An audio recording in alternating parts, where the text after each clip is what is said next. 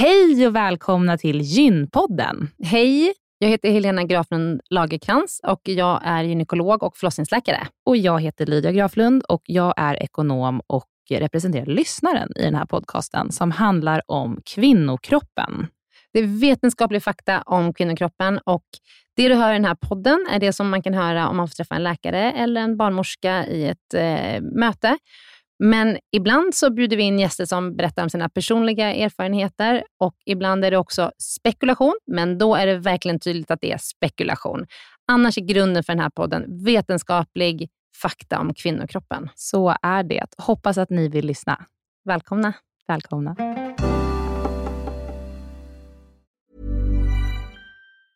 Hey, it's Ryan Reynolds, and I'm here with Keith, co star of my upcoming film, If, only in theaters, May 17th. Do you want to tell people the big news?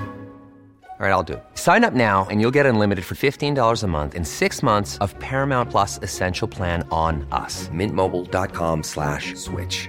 Upfront payment of $45 equivalent to $15 per month. Unlimited over 40 gigabytes per month. Face lower speeds. Videos at 480p. Active Mint customers by 531.24 get six months of Paramount Plus Essential Plan. Auto renews after six months. Offer ends May 31st, 2024. Separate Paramount Plus registration required. Terms and conditions apply if rated PG. Den här veckans avsnitt av Gynpodden är sponsrad av Ester Care. Och Helena, det är ju det bolaget, vårdbolaget, som du och jag har varit med och startat, där vi erbjuder digitala vårdmöten med specialister inom kvinnovård. Precis. Och vi vet att det är väldigt mycket vårdpersonal som lyssnar på Gynpodden, vilket vi är jätteglada för.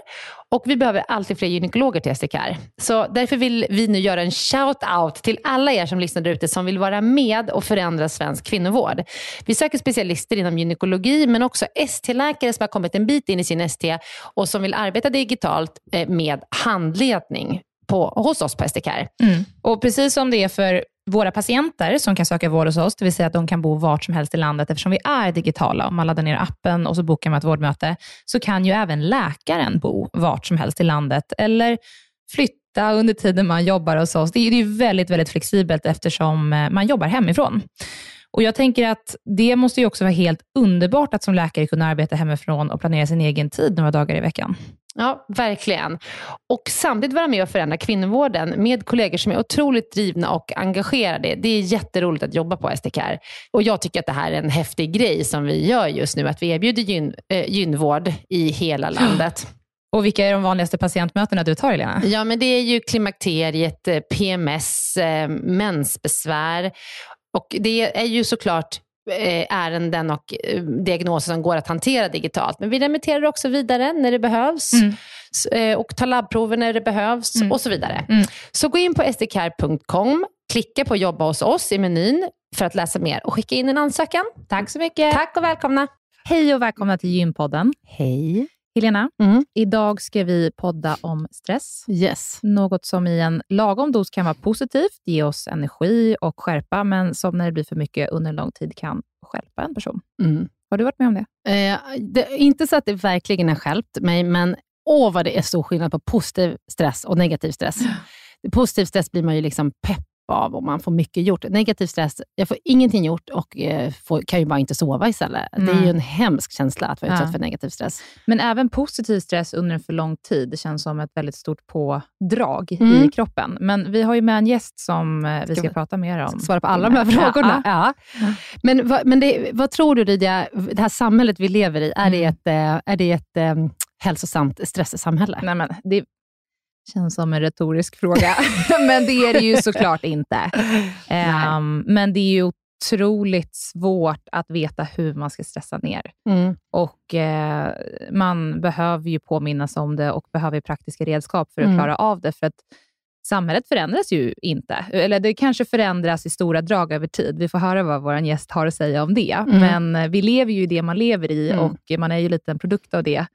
Eh, så man måste ta ansvar för att kunna stressa ner och mm. hitta verktyg för det, tror jag. Mm.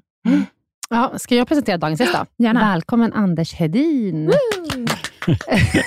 Tack så jättemycket. Fick en liten applåd där. Anders, du är docent. Det är en akademisk titel från ett universitet. Och eh, berättade precis här innan vi började podda om att du har forskat mycket på bröstcancer och att du var millimeternära att eh, vara med i en grupp som tog fram ett eh, vaccin mot bröstcancer. Det var ju helt otroligt, men det gick inte. Inte den här gången i alla fall. Nej. Genomför du fortfarande studier? Uh, nej, jag, jag, är inte aktiv i kliniska prövningar längre.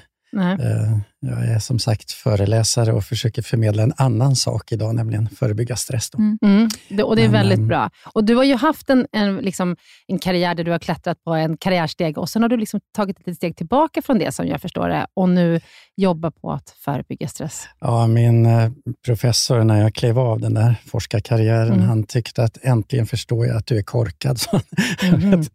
Han tyckte jag slängde bort en docentexamen, men jag ser det inte så. Den, Eh, Vad var ja. det som gjorde att du ändrade dig? Eller bytte bana? Nej, det, var, liksom? det var två saker. Jag kände mig som en dålig pappa egentligen och var aldrig hemma.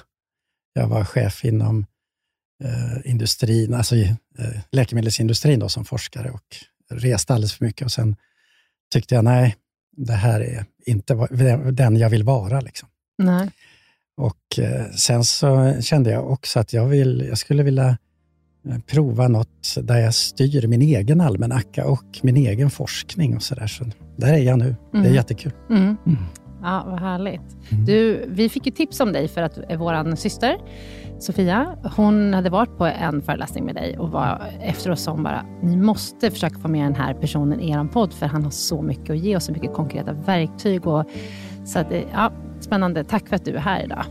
Ja, stora ord, men tack. nu kör vi igång. Ja, nu kör vi igång. Ja.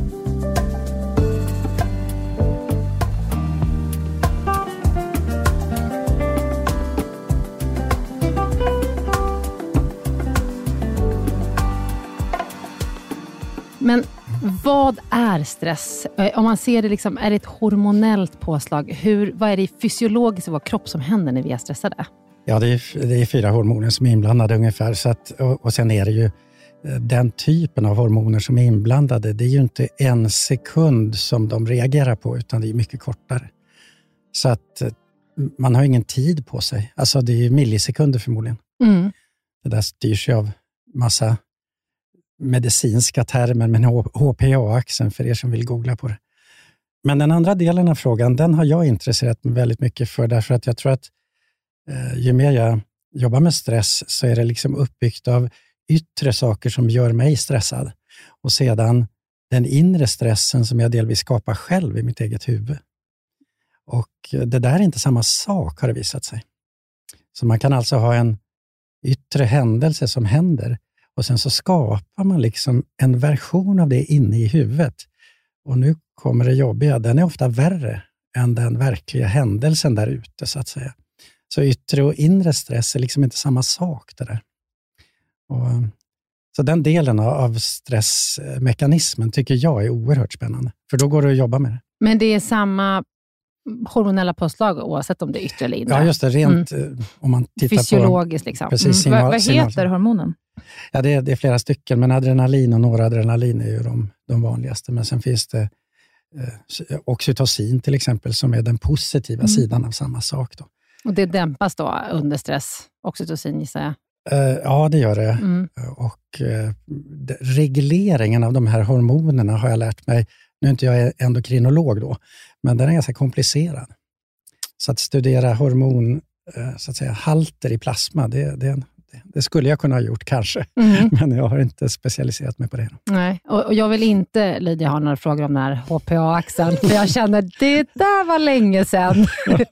ja, men eh, adrenalin, noradrenalin, Dopamin, ja. det är ett gott hormon, ja. så det kan man väl tänka sig att det kanske blir lite dämpat då. Eh, dopamin är det som vi får vid belöningssystemet. Ja, så det låter som mm. att det finns dåliga stresshormon och bra stresshormon. Eller, det kanske inte kallas för stresshormon, dopamin och eh, oxytocin, eller? Nej, men sen, nej, och, och för mig är det viktigt att komma ihåg att det är samspelet mellan hormonerna också, mm. så att det blir snabbt oerhört komplicerat. Och Sen mm. har de en halveringstid eller längre halveringstid beroende på vad man gör och så vidare. Så att hela fältet är ju superspännande, men mm. som sagt, just det är inte min specialitet. Nej, vi ska Nej. prata mer om, mm. om andra saker va, mm. när, det, kommer till stress. Mm. Exakt. Men se, eh, om vi sammanfattar den frågan då, mm. så är det ju så här i alla fall för er som lyssnar nu, att hormonpåslaget är millisekund snabbt. Eh, och Det har kroppen gjort för att skydda en mot överlevnad, då. eller ah. inte mot överlevnad. Det där sa jag konstigt. För Eh. För, tack. För att överleva. Och eh, Sen är ju alltså eh, att ta bort eh, halveringstid, då, som tjusigt ord, men ta bort det i plasma, det tar mycket längre tid. Och plasma är ju blodet då. Ja, just det, Mm. tack.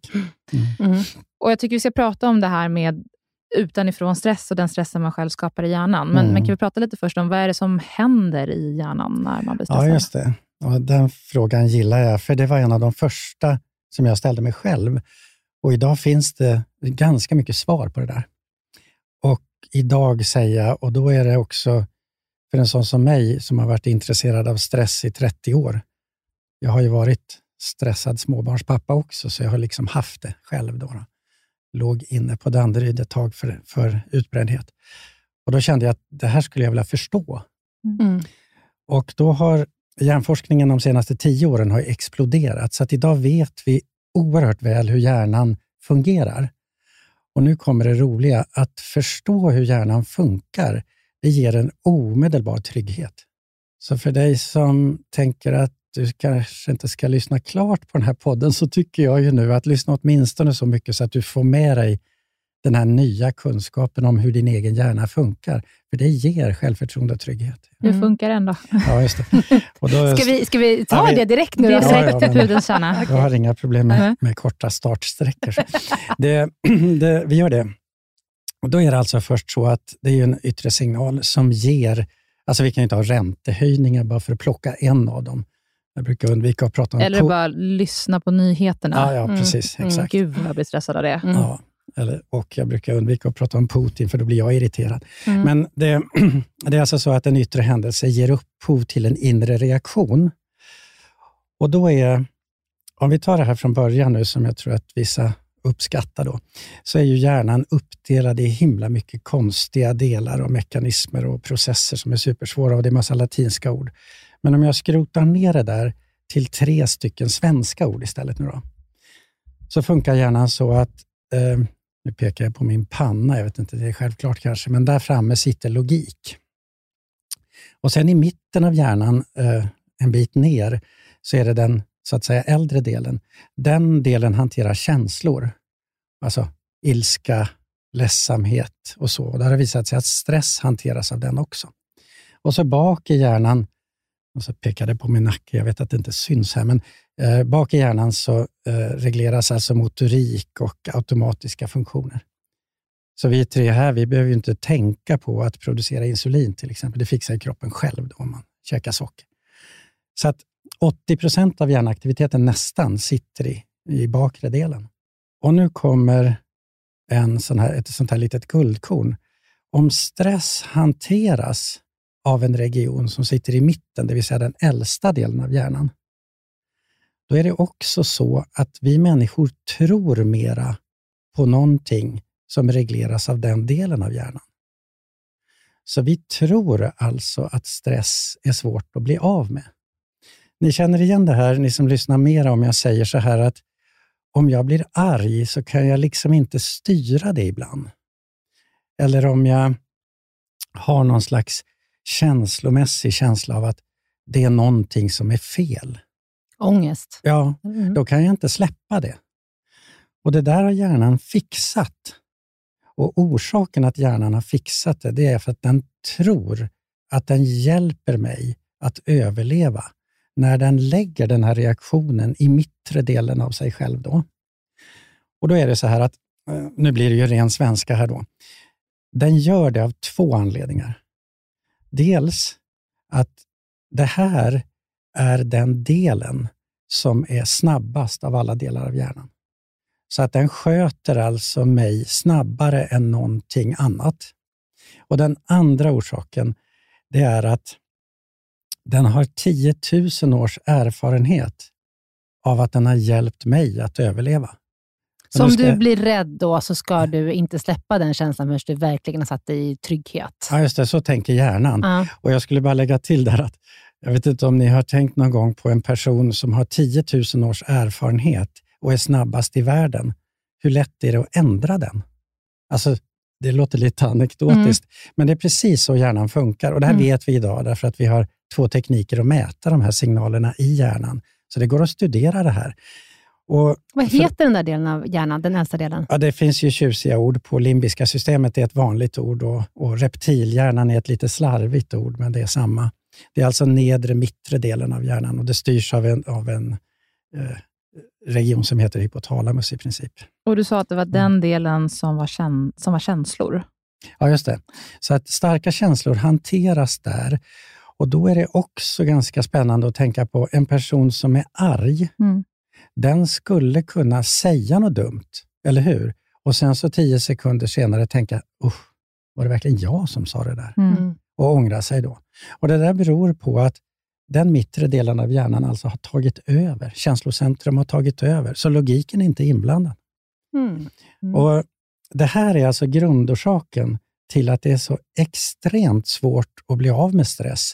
För att min hjärna tror inte på att jag ska bli av. Den håller på att hjälpa mig att överleva. Mm.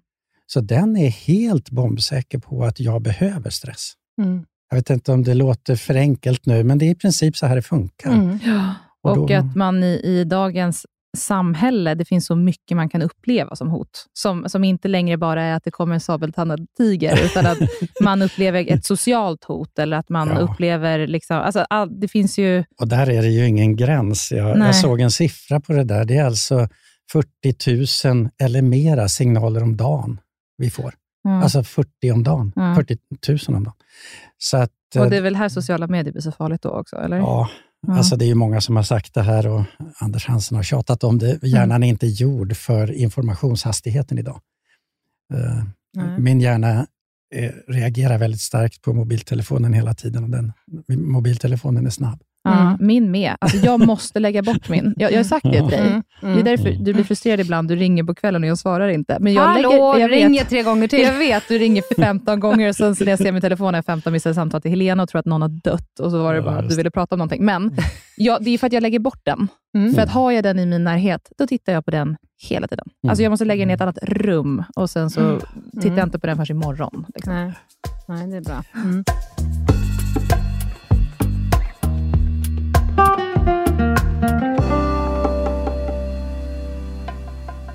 Men hur skiljer sig positiv stress då mot negativ stress? Ja, jag tror om fem år så kommer vi att använda andra begrepp än det där. Ja. För att om vi tar det lite krast så finns det nog ingen positiv stress tror jag. Nej, okej. Utan det beror på hur länge man blir utsatt, hur kraftigt man blir utsatt och ens egen förmåga att göra någonting åt det. Så att vi har ju, vi har ju på något vis kallat många, många positiva händelser och vara i flow och sådär som positiv stress. Men jag tycker faktiskt att uttrycket är lite fel. Vi borde kalla det tillståndet för flow, Mm. eller på, Mm. Som- Påslag. yngre Mm. versionen av mig där Mm. hemma skulle säga. Mm. Är du på Anders? Liksom. Men ehm, sen när det slår, så fort det slår över och bildar någon form av oro eller föregångare eller förstadium till stress, då blir det alltså negativt. Så att, eh, jag slår ett litet slag nu i Mm. podden här för att eh, använda andra ord än positiv och negativ stress. Jag kan reflektera över att det du Helena menar med positiv stress, Mhm. jag antar att det är så här dopaminpåslag eller att man, att man blir taggad Ja. på någonting, eller man tycker det. att något är kul för att det Mm. händer väldigt mycket just nu. och sådär. Mm. Jag tycker nästan alltid att de perioderna avslutas med att man blir lite deppig efteråt. Att man har haft ett stort dopaminpåslag, alltså att man har varit Mm. eh, uppe i varv, det har hänt väldigt mycket och sen så känner man en tomhet efteråt. Mm. Det där tror jag, om vi tar en liten parallell, att de flesta som sysslar med elitidrott skriver under på direkt. För att påslaget är väldigt starkt och sen efteråt så är, så är man väldigt, väldigt trött. Då. Mm. Så att ett starkt påslag som är som ett förstadium till stress inom idrotten till exempel, det kostar väldigt mycket energi. Då. Mm. Men det krävs ju då, å andra sidan, för att komma över ribban eller vad det nu handlar om. För något. Mm. Men så egentligen då skulle vi kalla det flow och stress. Och mm, om man skulle byta ut för positiv till negativ stress? Att det finns Ja, liksom ingen s- stress som är riktigt positiv. Alltså Nej, totalt sett bara flow, eller hur? Eller? ja, och sen det stress är det negativa menar jag. Ja, när man hamnar i ett tillstånd av stress, då är det 100% negativt för Ja. mig, för då är det Mm. svårt att komma tillbaka igen. Mm. Och sen, vi kommer ju att prata om det alldeles strax, men eh, det finns ett förstadium till stress som är kopplat till oro och ältande. Och Det är själva nyckeln idag. Mm. Forskningen kring hjärnans förmåga att hantera de två tillstånden. då. Så man skulle kunna enkelt uttryckt, mellan flow och stress så finns det ett ältande och en oro som är ett förstadium till stressen. Mm. Och kan man backa dem själv, lära sig att backa tillbaka från oro och ältande, då hamnar man i flow. Ah, Okej, okay. så att vi menar att flow är den delen där man, där man eh, har den positiva delen då, Ja, det som vi kallar för stress. Nej, men att man har ett flow, att Ja. det, det är liksom ett bra tillstånd, men sen kan det övergå till stress vid en Ja, tidpunkt. just det. är det. vi menar. Och Okej. förstadiet till den här 100% negativa stressen, som, Ja. jag, som jag vill kalla den, Mm. det är alltså oro och ältande. Mm. Och ångest, eller? Ja, och då är ju oro och ångest extremt lika begrepp för mig. Mm. Mm. Men jag håller helt med dig. Som, om, Mm. vi, om vi använder ångest så är det också ett förstadium till, till stress. Då. Mm. Ja, för att jag tycker ångest, jag tycker oro är Mm. för mig ofta kopplat till någonting. Att Något jag, känner, konkret. att jag känner en oro för någonting. Jag Ja, känner det. oro för att hålla i ett föredrag som jag inte har övat till. Eller så förstår ni, att jag kan koppla det till någonting. Medan ångest tycker Men jag är så där- otroligt odefinierbart. Jag kan Ja. känna ångest, jag fattar inte varför. Men när du pratar om oro på det sättet, då, Ja. så är det exakt det som är spännande, att man är orolig för någonting. Ja. Säg att det händer någonting där ute. Det här, vi pratade ju nyss om eh, yttre stre- stressorer. Och då när det händer någonting, då oroar man sig för dem. Kan man alltså ta bort oron lite grann och dämpa den lite, då släpper oron för den saken. Och Då känns det skönare på en gång. Mm. Så precis det vi pratar om nu, där är forskningen idag. Hur kan man dämpa oron för att må lite, lite bättre när det händer någonting? Då? Ska vi gå in på det? Ja. Ja, det skulle vi kunna göra. Det är ju som sagt var, det är Men- dit vi är på väg. Ja. Ja. Men vad har vi för konkreta sätt då? Vad är liksom dina verktyg för att hantera stress på? ja, och då, då är det, och igen då, nu blir jag lite övertydlig, men det här är viktigt för er som lyssnar, att vi behöver tänka om lite granna. Hur enkelt är det att hantera den yttre händelsen och ändra den? Och hur enkelt är det att ändra sin egen eh, så att säga, reaktion i hjärnan, eller sitt eget tillstånd? Och Jag skulle gärna vilja berätta, en kort, bara en kort anekdot nu, för det speglar det här så oerhört tydligt. Eh, Jag sitter på E4 och kör in mot stan och jag ska föreläsa och som föreläsare så kommer man inte för sent, eller hur? Det är bara så det är. Mm. Och så är det ju i bredden ungefär, så är det tvärstopp och där står jag. Och Det första som hände med mig, det var, Anders, hur idiotisk är du som inte tittar på navigationssystemet utan sitter och lyssnar på Stefan Sauk? Hallå! Liksom. Nu sysslar ju många s- lyssnar på Stefan Sauk och det är helt underbart, men jag hade ju inte fokus, så jag, jag körde rakt in i kön och missade hela. Så där stod jag. Och Då ringde jag direkt till den personen som hade bokat mig, bara för att försöka hantera det. Och Det gjorde ju inte mig mindre stressad, om ni hänger med på det här, utan Mm. det påverkade inte mig alls. Men då började jag sitta och tänka på att vänta, jag ska ju föreläsa om hjärnan och hur jag reagerar i den här situationen. Och Jag brukar kalla mig för Anders Hedin Sverige när jag verkligen är intresserad av mig själv. Då. Skärp dig nu, ta den här stunden och se, hur reagerar du nu då? Mm. Du är ju superstressad. Lär Försök- dig själv. Ja, liksom. Ja. och så ställde jag mig själv frågan, om jag blir mera stressad nu eller mera orolig, kommer bilkön att minska då? Och Det här var ju en retorisk fråga, men den är oerhört spännande, för bara jag tänker så, så släpper jag alltså fokus på bilkön och börjar fokusera på min egen oro istället. Och Sen så ställde jag mig frågan också, Anders, om du skulle oroa dig lite till och till och med bli riktigt förbannad då, skulle bilkön bli lite kortare då? Inser ni hur larviga frågorna är? Mm. Och då har vi, det visat sig, och då visar alltså forskningen, när jag ställer frågor till min egen oro, då sjunker oron Mm. på grund av att mitt fokus på den yttre händelsen minskar. Mm. Funkar det även om en annan person, om jag och Helena hade suttit i den Ja. bilen och jag hade frågat Helena det? Mm. Hade hon blivit irriterad på mig eller Nej. hade det lugnat henne? Eh, hon, om hon hade frågat dig, eh, hur ska du göra nu med bilkön, vi kommer aldrig... Och, och sådär, då hade du blivit mer irriterad. Men om hon frågat dig, kommer din oro att göra det bättre för dig? Kommer du att må bättre om en stund om du oroar dig mera? Då eh, blir du alltså lugnare. Mm. Forskningsområdet här för er som är intresserade av att googla på sånt här heter metakognition.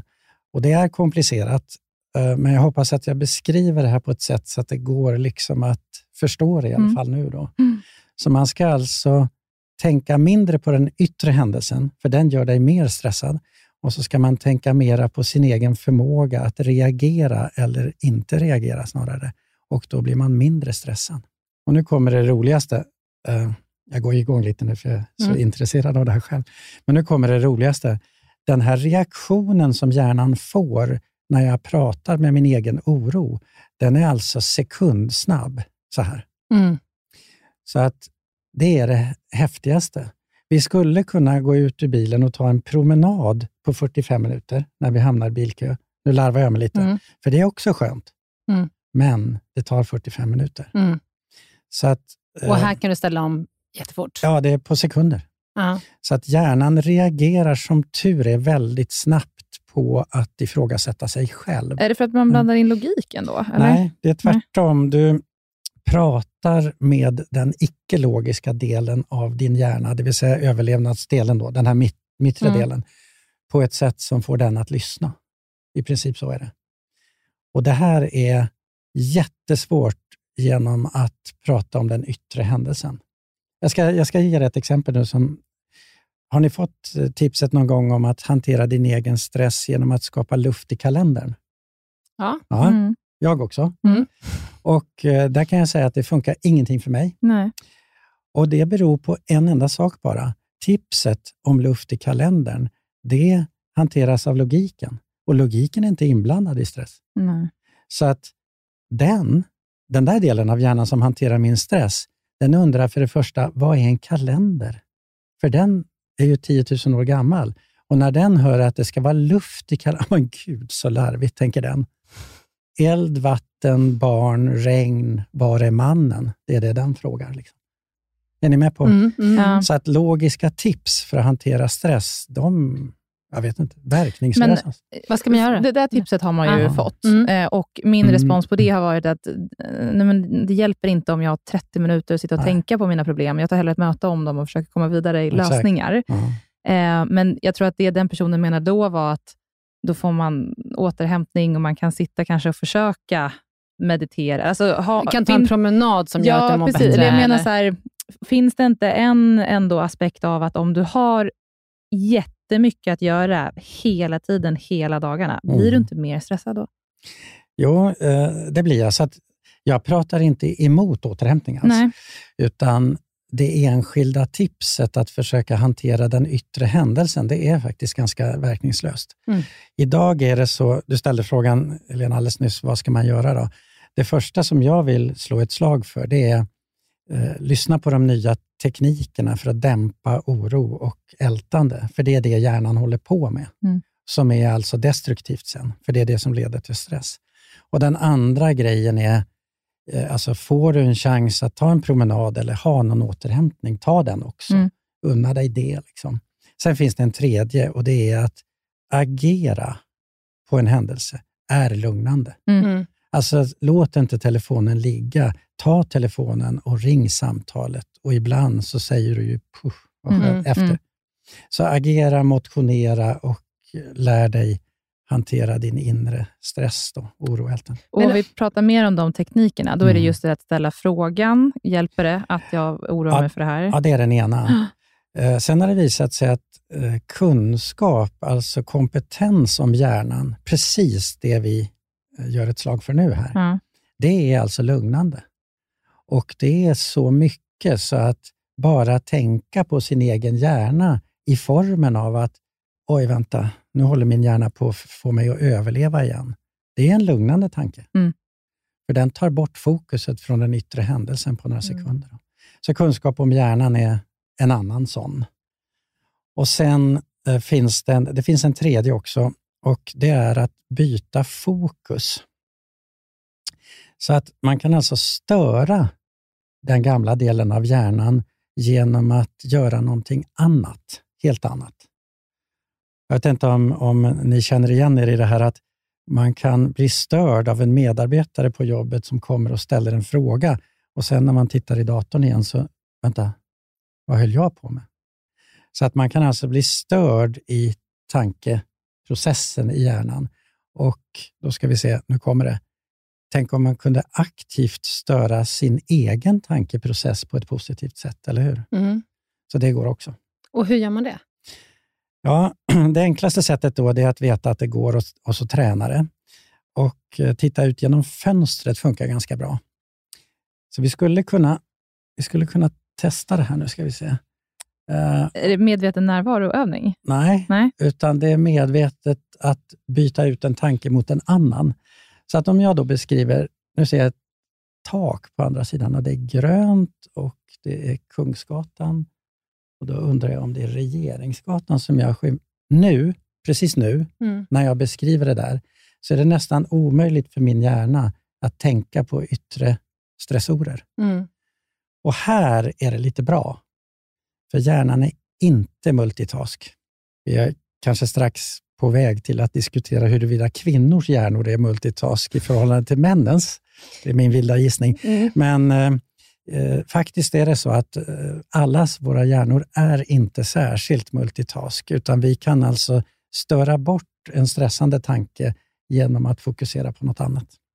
Det är det här som händer när vi åker på semester till exempel, eller när vi ser en bra film. Mm. Mm. Eh, jag är en person som är hopplöst förtjust i romantiska komedier, så när jag tittar på Notting Hill till exempel, mm. då mår jag väldigt, väldigt bra. Ja, jag kan den ju utantill, men, mm. ja, men då är det alltså svårt för mig att fokusera på Notting Hill samtidigt som mm. jag tänker på en yttre händelse som ska hända imorgon. Mm. Och Det är därför det är skönt att titta på film, eller lyssna på musik, eller ta en mm. promenad. Eller så. Mm. Det är därför man får tips om, om att kanske ha distraktion om man ja. är i en, i en dålig situation, ja. så att säga. Mm. Ja. Och hur, eh, vad som är oerhört spännande, det är hur pass kraftig är distraktionen för att sänka stress? Och Det finns en publikation som är helt avgörande här och den, resultatet i den säger att när du tror på att du kan sänka din egen stress genom att påverka dina tankar, då har du 43 procents sänkning ungefär av stressen. Helena, hur mycket sänkt stress känner du just precis nu? Nej, eh, jag känner ingen stress alls just nu. Nej, men så här, överlag i livet. Jag känner att jag sitter som en filbunke just nu. Ja, jag alltså känner att jag har helt kontroll över mittendelen ja. av min hjärna. du ser sjukt avslappnad ut. Jag tänkte på det. Ja. Det, det som är spännande teoretiskt, om vi mm. tittar vetenskapligt på det här, vi tre som sitter och pratar om det här nu, mm. vi är förmodligen helt ostressade, ja. för vi är så enormt fokuserade på att försöka förstå vår egen hjärna. Och där, jag, sitter, där, alltså jag sitter och ritar upp logik, ja. tankar, motorik. Ja, här inne är stress. Ja, mm. titta. Mm. Så, precis så det här funkar. Och det här, för er som lyssnar, det här är alltså ganska banbrytande grejer. För vi har under de 30 senaste åren försökt att komma åt stressen genom att tro på att den kommer utifrån. Så att man tar har, bort den yttre faktoren. Ja, exakt. Mm. Och vi har skylt på yttre händelser och inte riktigt fått det att funka. Men kan vi För... prata om, om skillnaden just med den yttre stressen ja. och den som skapas mm. i hjärnan? Mm. Och då är det igen då, och det här är ju värt tjatet nu som jag har, mm. därför att den yttre händelsen är ofta helt omöjlig att påverka. Ja. Och Det är det som är hela grejen. Och Vi har också skylt på arbetsgivaren.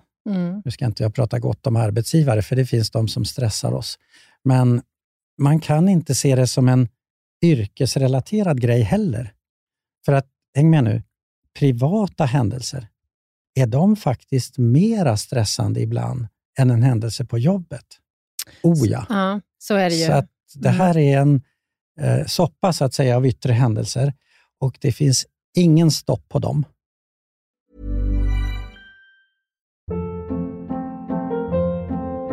Hold up. What was that? Boring. No flavor. That was as bad as those leftovers you ate all week. Kiki Palmer here, and it's time to say hello to something fresh and guilt-free. Hello Fresh. Jazz up dinner with pecan-crusted chicken or garlic butter shrimp scampi. Now that's music to my mouth. Hello Fresh. Let's get this dinner party started. Discover all the delicious possibilities at hellofresh.com. Cool fact a crocodile can't stick out its tongue. Also, you can get health insurance for a month or just under a year in some states. United Healthcare short term insurance plans, underwritten by Golden Rule Insurance Company, offer flexible, budget friendly coverage for you. Learn more at uh1.com. Den här veckan så är Gynpoddens avsnitt sponsrat av hemsidan mittpreventivmedel.se som är en eh, informationshemsida gjord av Bayer. Mm. Och vi har pratat om den tidigare i avsnitt eh, om att eh, det finns olika tester du kan ta, eller det finns ett test du kan ta. Du kan också gå in och jämföra olika preventivmedelsmetoder för att se vilka som är bäst för dig och du mm. kan titta på en film där mm. du kan förbereda dig inför att du ska träffa barnmorska eller gynekolog och skaffa ett preventivmedel. Men det vi skulle vilja berätta om idag, det är att det finns också då eh, på mittpreventivmedel.se så finns det en bra lathund om man råkar glömma ta sitt p-piller, eftersom det beror ju lite på liksom när i kartan som du glömmer att ta ditt piller. Mm. Och Då kan du gå in under rubriken “Känner du igen dig?” så finns det en rubrik som heter “Undvika oplanerad graviditet”. Mm. Och Där är listat sådana här saker då som kan hända. Att mensen är sen, du har glömt att ta p-pillret, behov av akut p-piller och kondomen gick sönder. Mm. Ja, du vet Lydia, olika saker som kan hända mm. som ändå gör att man blir sjukt orolig och behöver få information om vad som kan hända.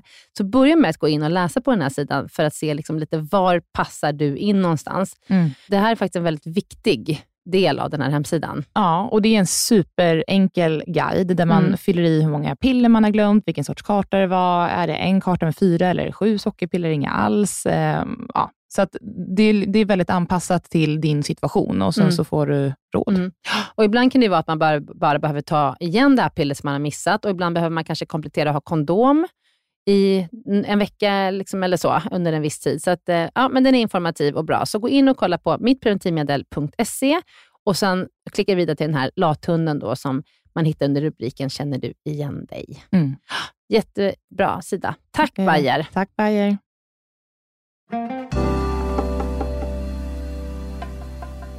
Men jag kommer ihåg från läkarprogrammet, ja. när vi pratade om liksom det här med att, bli, att få en utmattning, eh, så var det, jag kanske inte kommer ihåg exakt, men eh, liksom att det var så här, det är att ha kontroll eller att inte ha kontroll, pratade man mycket om då. Liksom att mm. man, en person kan jobba jättemycket, men som du säger, här, man kanske äger sin egen kalender, man kan Eh, medans, eh, jag kommer ihåg exakt exemplet. Exemplet var busschaufför. Att vara busschaufför är liksom urstressigt för att man har en tidtabell, man kan inte påverka den tidtabellen. Du kan inte påverka trafiken. Alltså det är otroligt stressande att man liksom mm. inte äger... Där pratar vi bara om yttre faktorer. Ja, och Det är det som är själva nyckeln. Så att känslan av kontroll idag, och det är därför vi har den här podden överhuvudtaget, den ligger alltså i min egen förmåga att hantera min inre tankeprocess i hjärnan. För att en busschaufför kan inte påverka den yttre situationen. Det går mm. inte. Däremot om busschauffören skulle lära sig att tänka annorlunda i en given situation, så mm. skulle den bli lite lugnare. Och Det här har ju brandmän och poliser och så där tränat länge, så vi har vetat att det går att träna på sin egen, sitt eget lugn i en väldigt tuff situation. Mm. Det går, vi har vetat det. Mm. Men vi har inte kunnat kartlägga hjärnans process tidigare. Det är sex, sju års senaste forskning ungefär. Som, det här är helt nytt för mig. Jag tycker det är så intressant. Mm. mm. Att det är mindre det yttre och mer det inre. Och ja. att man kan påverka det inre ja. på ett annat sätt.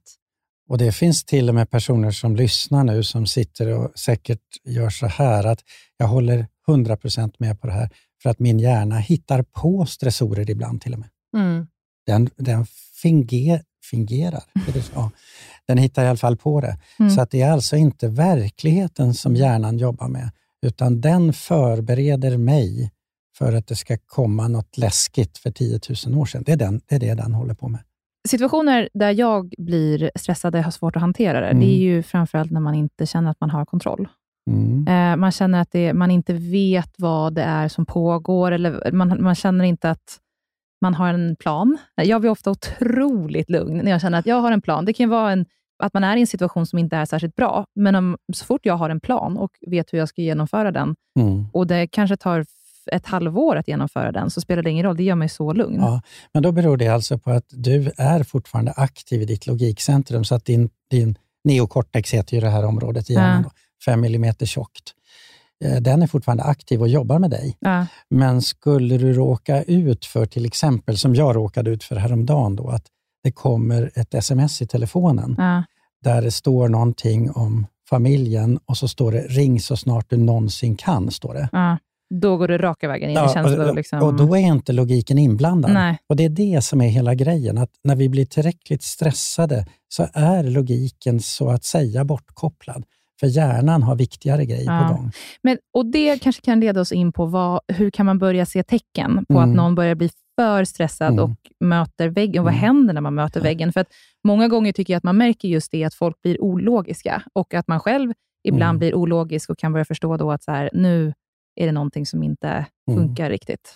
Och De tecknen är, är då, som, åtminstone som jag förstår forskningen, och jag tror jag gör det, det är att de två tecknen som vi ska titta på för att göra det här enkelt, det är, är jag orolig eller ältar jag för mycket just nu? Och Det är samspelet mellan dem. Så man oroar sig alltså för framtiden, om det är något som ska hända. Och sen, tio sekunder senare, så jobbar hjärnan med Anders, påminn dig själv nu, förra gången du gjorde så här, hur gick det då? Hallå? Sjabblade du eller? Mm. Hur ska jag få dig att fatta? Och så switchar han tillbaka igen. Vänta nu, på tisdag klockan tre, är du medveten om alltså det är bara några dagar kvar? Alltså pingpongar. Liksom. Alltså den Ja. pingpong, ja tack, den har jag inte. Mm. Nu fick jag en. Mm. Så den studsar eller pingpongar Mm. emellan framtiden och oro då, och dåtiden och ältande. Och här är vi människor tydligen lite olika funtade. Så det finns de av oss som överanvänder ältandet mera. Och det är de, ju tydligt. Mm. ja, och de av oss som är väldigt sådär framåt hela tiden och använder oron för mycket då. Och sen finns det de som säkert har 50-50. Men då, för att spola tillbaka till din fråga där, att då är det alltså så att idag så skulle jag vilja, alla som lyssnar nu, snälla börja titta medvetet på din oro och ditt ältande, för det är de som är förstadiumet till stressen sen. Mm. Så kan du backa eller dämpa oron lite grann, då blir du, åtminstone teoretiskt nu om jag tänker på stresskurvan, inte stressad. Mm. Så det här är helt nytt och vi har ju alltså inte tänkt så här tidigare, utan vi har försökt att hantera det, det yttre, så att säga. Mm. Har det här ändå lite att göra med också vad man är för personlighetstyp? Alltså, det har väl... Ja, jag, jag, jag har... eh, Alltså här, Men en del är väl mera ältande, oroade Ja, så är det. personer, jag andra tycker mer man möter människor Ja. alltså, som är väldigt olika. Ja, det. så är det. Jag, jag spårade in på en annan grej Mm. och det är personlighetstyper Mm. och eh, allt, eh, Big Five och allt vad det heter. Mm. Och Det är ett separat forskningsfält, Mm. tänker jag, då, Mm. för psykologer. som eh, Jag har i alla fall inte blandat in det ännu, så jag Nej. har, jag har inte... Men här i, jag kan ta ett exempel från mitt hem, där jag är gift med en... Jag är, väldigt, eller, jag är ganska känslomässigt styrd, Lydia. Håller du med om det? Kan hålla med. Kan hålla med om det? Och jag har, Och framförallt när du blir mer stressad. Ja, när Det är stressar. otroligt stor Ja. skillnad. Absolut. Mm. Då har jag mycket svårare att Mm. liksom, eh, då, då blir det så, åh det här känns bra, nej det här känns inget bra. Åh, så. Min man är otroligt rationell. Alltså, Ja, och ja. Hans mantra är så här, kan du göra någonting åt det, så gör det åt det. Gör det. Kan du inte göra någonting åt det, så släpp det. Han blir, alltså, han blir alldeles stressad. Han kan jobba 23 timmar om dygnet i perioder. Han blir ändå inte stressad. Det måste ju vara för, men det måste ha med personlighetstyp att göra. Ja, fast eh, här har jag ju en annan teori då. Okej, på spännande. Få höra. te- Mm. temat. Eftersom den här delen av hjärnan som hanterar stress är 10 000 år gammal, den har inte, för- förmodligen är det 40 000 till och med, skulle Mm. vissa hjärnforskare säga. Eh, Men vi tar ödmjuka spåret nu, 10 000 år Mm. gammal är den.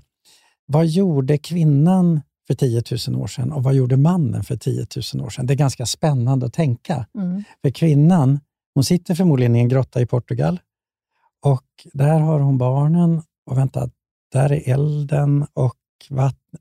vatten. Han skulle ta in vatten och en enda sak bad jag om. Hallå? Grottkvinnan. Ja, och var är mannen när detta händer? Och nu sätter jag på mig så att säga ett par kikarglasögon här, låtsas jag. Han står och tittar på en hjort. Och det finns ingenting förmodligen som han vill ska störa honom nu, för att den ska bara hem. Mat, hem, nu. Och så är han där tillsammans med en annan man från en annan grotta och så står de och tittar på hjorten tillsammans. Jag tror inte att det finns särskilt mycket i omgivningen som skulle ha kunnat stressa den mannen så att han inte hade fokuserat på hjorten. Och nu kommer jag till själva, vi är ju inte i en grotta i Portugal, men tänk om kvinnor generellt har tränat i 10 000 år på att hantera fem saker i en grotta. Och nu är det inte fem saker 2023, eller hur? Och mannen, han har 10 000 års träning på att fokusera på en enda sak. Och då tänker jag på Sportextra. alltså, ja, men det är, visst är det kul? Ja. Eller kul kanske skulle kanske inte min alltså Karin, min fru, då säga, utan det här speglar ju på något vis också en intränad så att säga, könsfördelning då, som inte är en könsfördelning. Och tänk om vi alltså jobbar med en intränad könsuppdelning som är 10 000 år gammal. Hur lätt är det att ändra den? Och då är det ju så här att ursäkten till alla män, det blir ju de, en typisk man har ju 10 000 års erfarenhet av att jag mår bättre om jag bara fokuserar på en sak och så tror den på det. Så levde vi i grottor i 10 000 år? Det sitter jag och reflekterar över just nu. Nej, det gjorde vi nog inte. Det för 10 000 år sedan? Jo, jag vet, men sedan dess så har man ju inte tränats. Då, ja. Nej, men jag tror att om man då tar, om man då tar en, en, en, den andra spännande saken, då, då mm. att tänk om en kvinna har tränat i tusentals år i alla fall på att vara multitask och att det förväntas av henne. Mm. Tänk om det är så. För annars och, skulle inte vår art överleva, om exakt. inte alla ungarna där hemma överlevde. Är vi fortfarande vetenskapliga här nu? Eller är det här nej, liksom antaganden? Jo, nej, det här är vetenskap på ett sätt för mig. Mm. Därför att eh, erfarenhet kopplat till kunskap, är ju, summan av de två är ju kompetens. Och eftersom kompetens är lugnande så jobbar vi faktiskt med en med en, en vetenskaplig definition av att hitta någon form av förklaring i alla fall. Mm. Och Jag tror att den genetiska förklaringen och den morfologiska, alltså vävnadsstrukturen i hjärnan mellan kvinnor och män, den är ju extremt lika. Mm. Så att det finns corpus callosum kanske skiljer sig lite grann mellan kvinnor och män, men inte är det mycket. inte. Så att kvinnan är identisk med mannen när det gäller hjärnan. Mm. Och Då måste ju en forskare som jag leta i så finns det någon erfarenhet mm. eller någon, någonting som inte är genetiskt mm. eller, eller, eller mm. hereditet, så att säga. Mm. Och Jag skulle vilja slå ett slag för det här. Och Nu riktar jag mig till alla som lyssnar och som är kvinnor. Tänk om en kvinna idag skulle vinna på att inte försöka vara så himla multitask och jonglera så mycket hela tiden. Tänk om hon skulle må lite bättre genom att släppa en av alla de här sakerna. Ja. Mm. Och då måste ju någon annan ta vid. Ja, ja eller så ju... prioriterar man och så mm. görs inte allt. Nej. Nej, och då tänker jag ju på... Och vad händer då? Mm.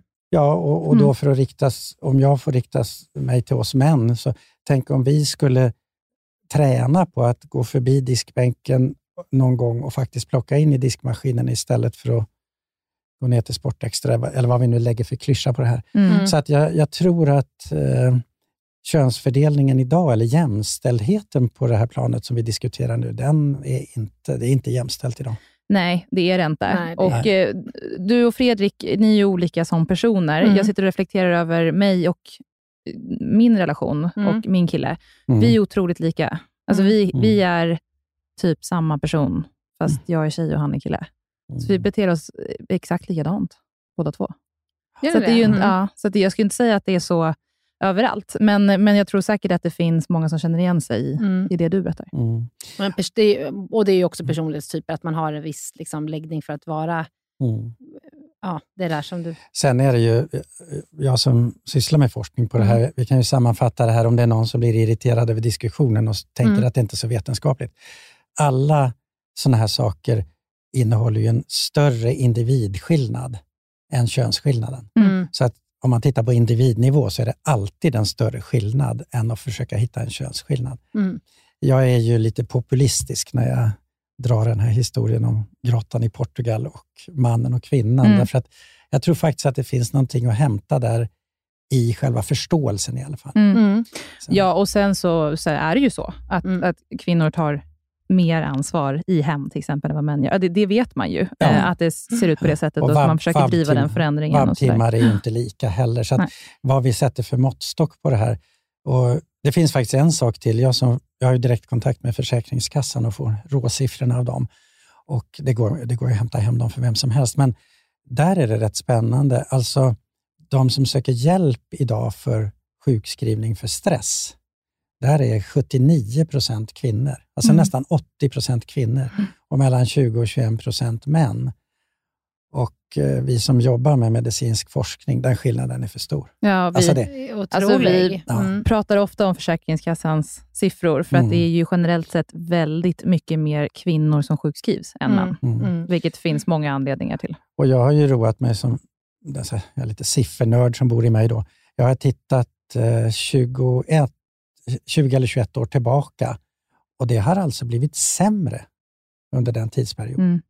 Så man skulle ju kunna trott att för 20 år sedan så var det bättre. Det var färre kvinnor som var sjukskrivna i förhållande till män. Men det är tvärtom.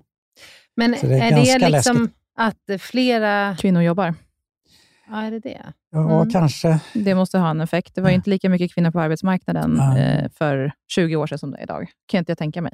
Ja, Fast- men hörni, fast- nu är det mycket spekulation. Ska vi Ja. gå tillbaka Mm. till stress? Att, Men vi har nog, en, vi har nog bara för att sammanfatta den här dialogen, alltså, att försöka vara multitask Mm. är stressande. Mm. Det är ingen spekulation. Nej.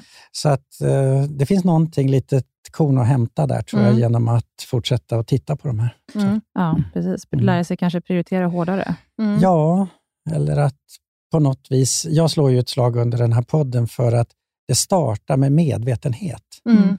Och en kvinna, eller en man då, vi, vi, vi struntar i könet nu, Mm. en person som förväntas vara multitask när den inte är det, Mm. den kan inte må bra. Nej. Så att eh, vi, förs- vi får försöka lära oss det där att hantera oss själva Mm. genom att så att säga förstå att jag är inte multitask. Nej.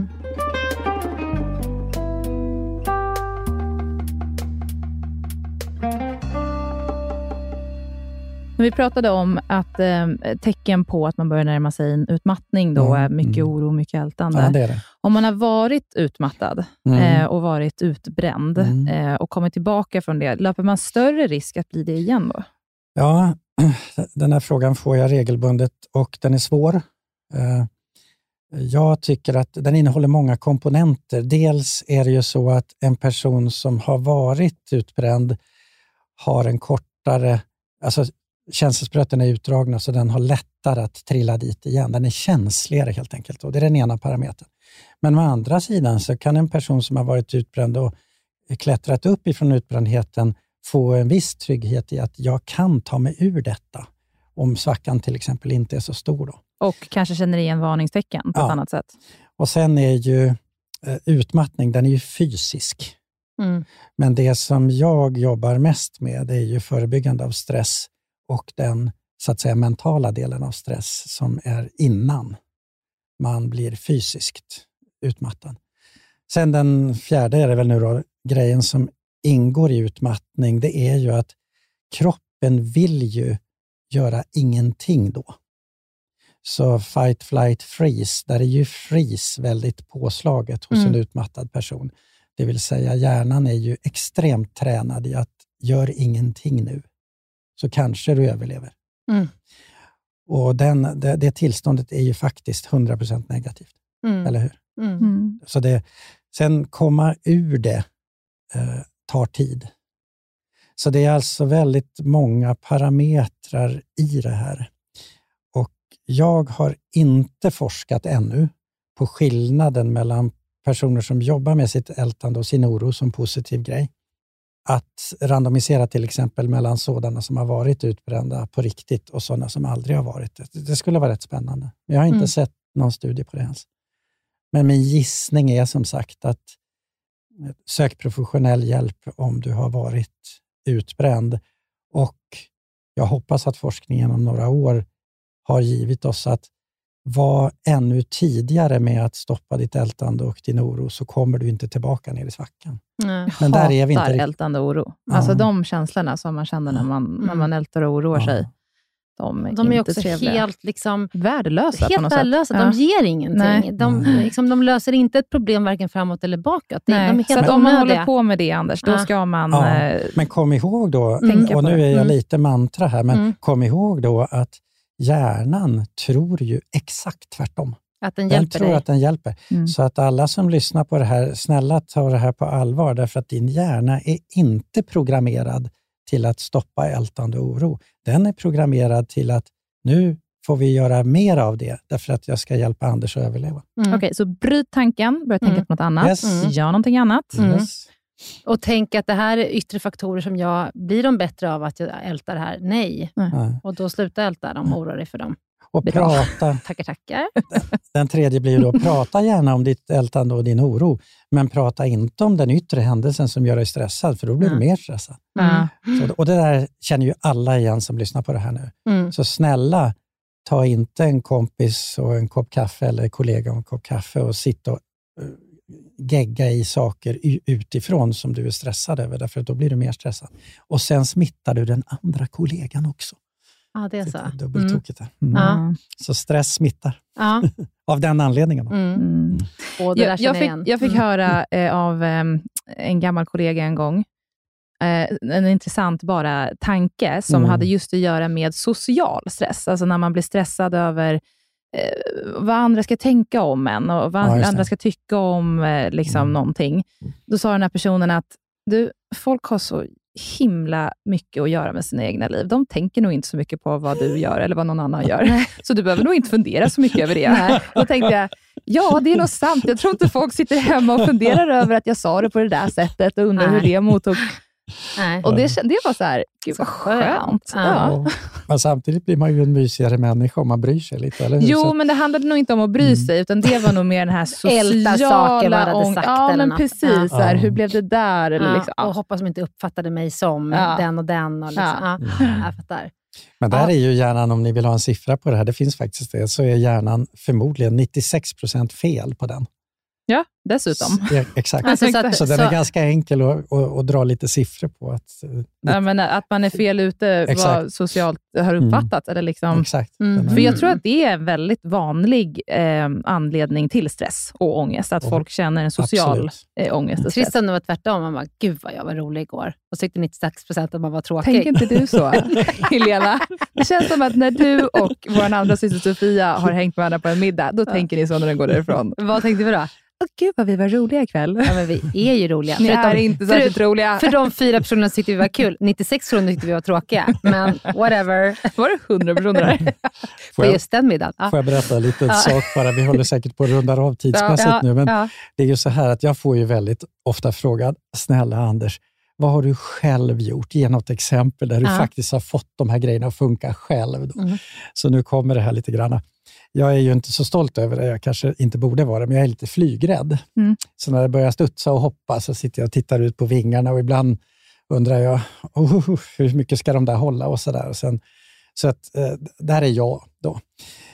Och då har jag, sen jag har lärt mig det här som vi har pratat om idag, så sitter jag i flygplanet och jag var i USA och föreläste för ett par veckor sedan. Och så sitter jag i flygplanet över Atlanten och mitt i natten och så börjar det studsa förstås över Island någonstans.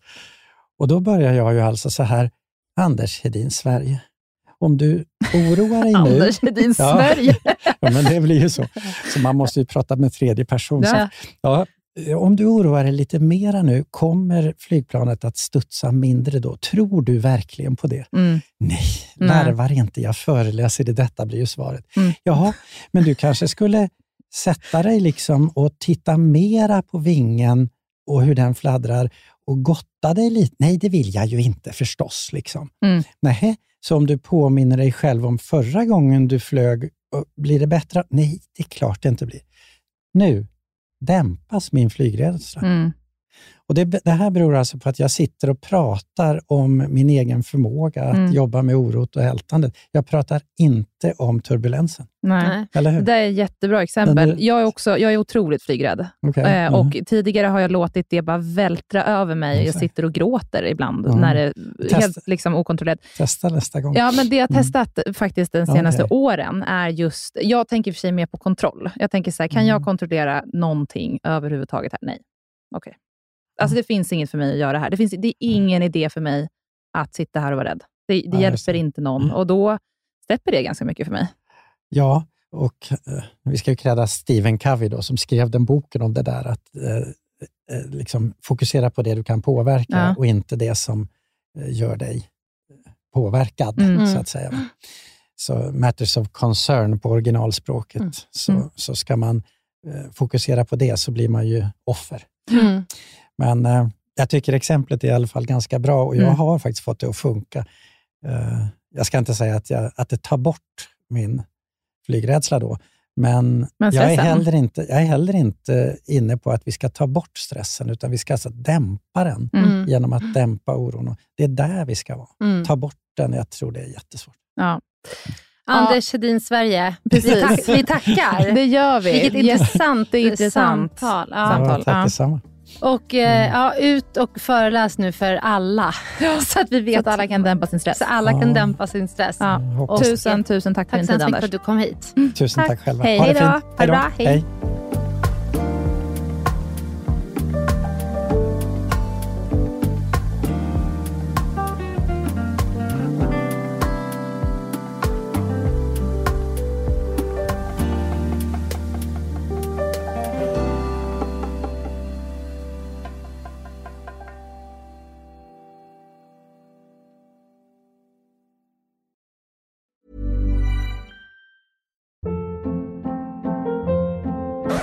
Hold up. What was that? Boring. No flavor. That was as bad as those leftovers you ate all week. Kiki Palmer here, and it's time to say hello to something fresh and guilt-free. Hello Fresh. Jazz up dinner with pecan-crusted chicken or garlic butter shrimp scampi. Now that's music to my mouth. Hello Fresh. Let's get this dinner party started. Discover all the delicious possibilities at hellofresh.com.